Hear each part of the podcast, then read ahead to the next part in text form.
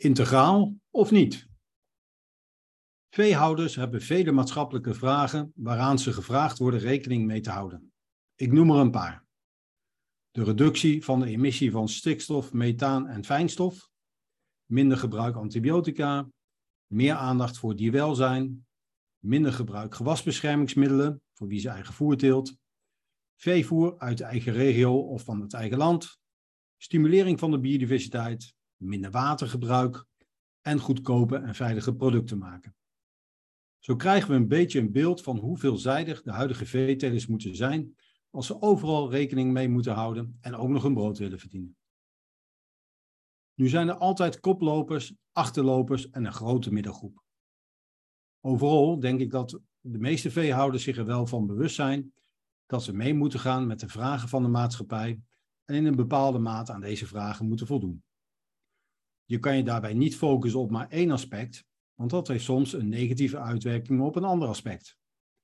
De truc is dus om al die vraagstukken integraal te benaderen.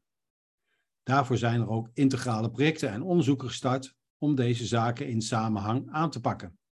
Een voorbeeld is de website www.integraalaanpakken.nl. En toen kwamen de stikstofplannen uit. Op zich mooi dat de overheid nu serieus werk maakt van het beschermen van de natuur door deze emissie te verminderen. Maar waar is die integrale aanpak nu opeens?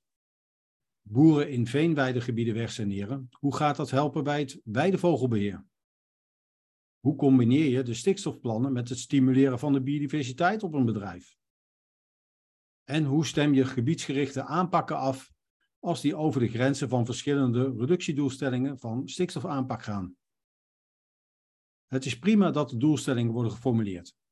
Maar ik vrees dat het nog een hele puzzel en een lange weg wordt voordat de provincies nu deze overheidsdoelstellingen hebben kunnen afstemmen met hun gebiedsgerichte integrale aanpak voor al die maatschappelijke vragen. Komende maanden verschijnt ook nog de visie van de overheid op water en op klimaat.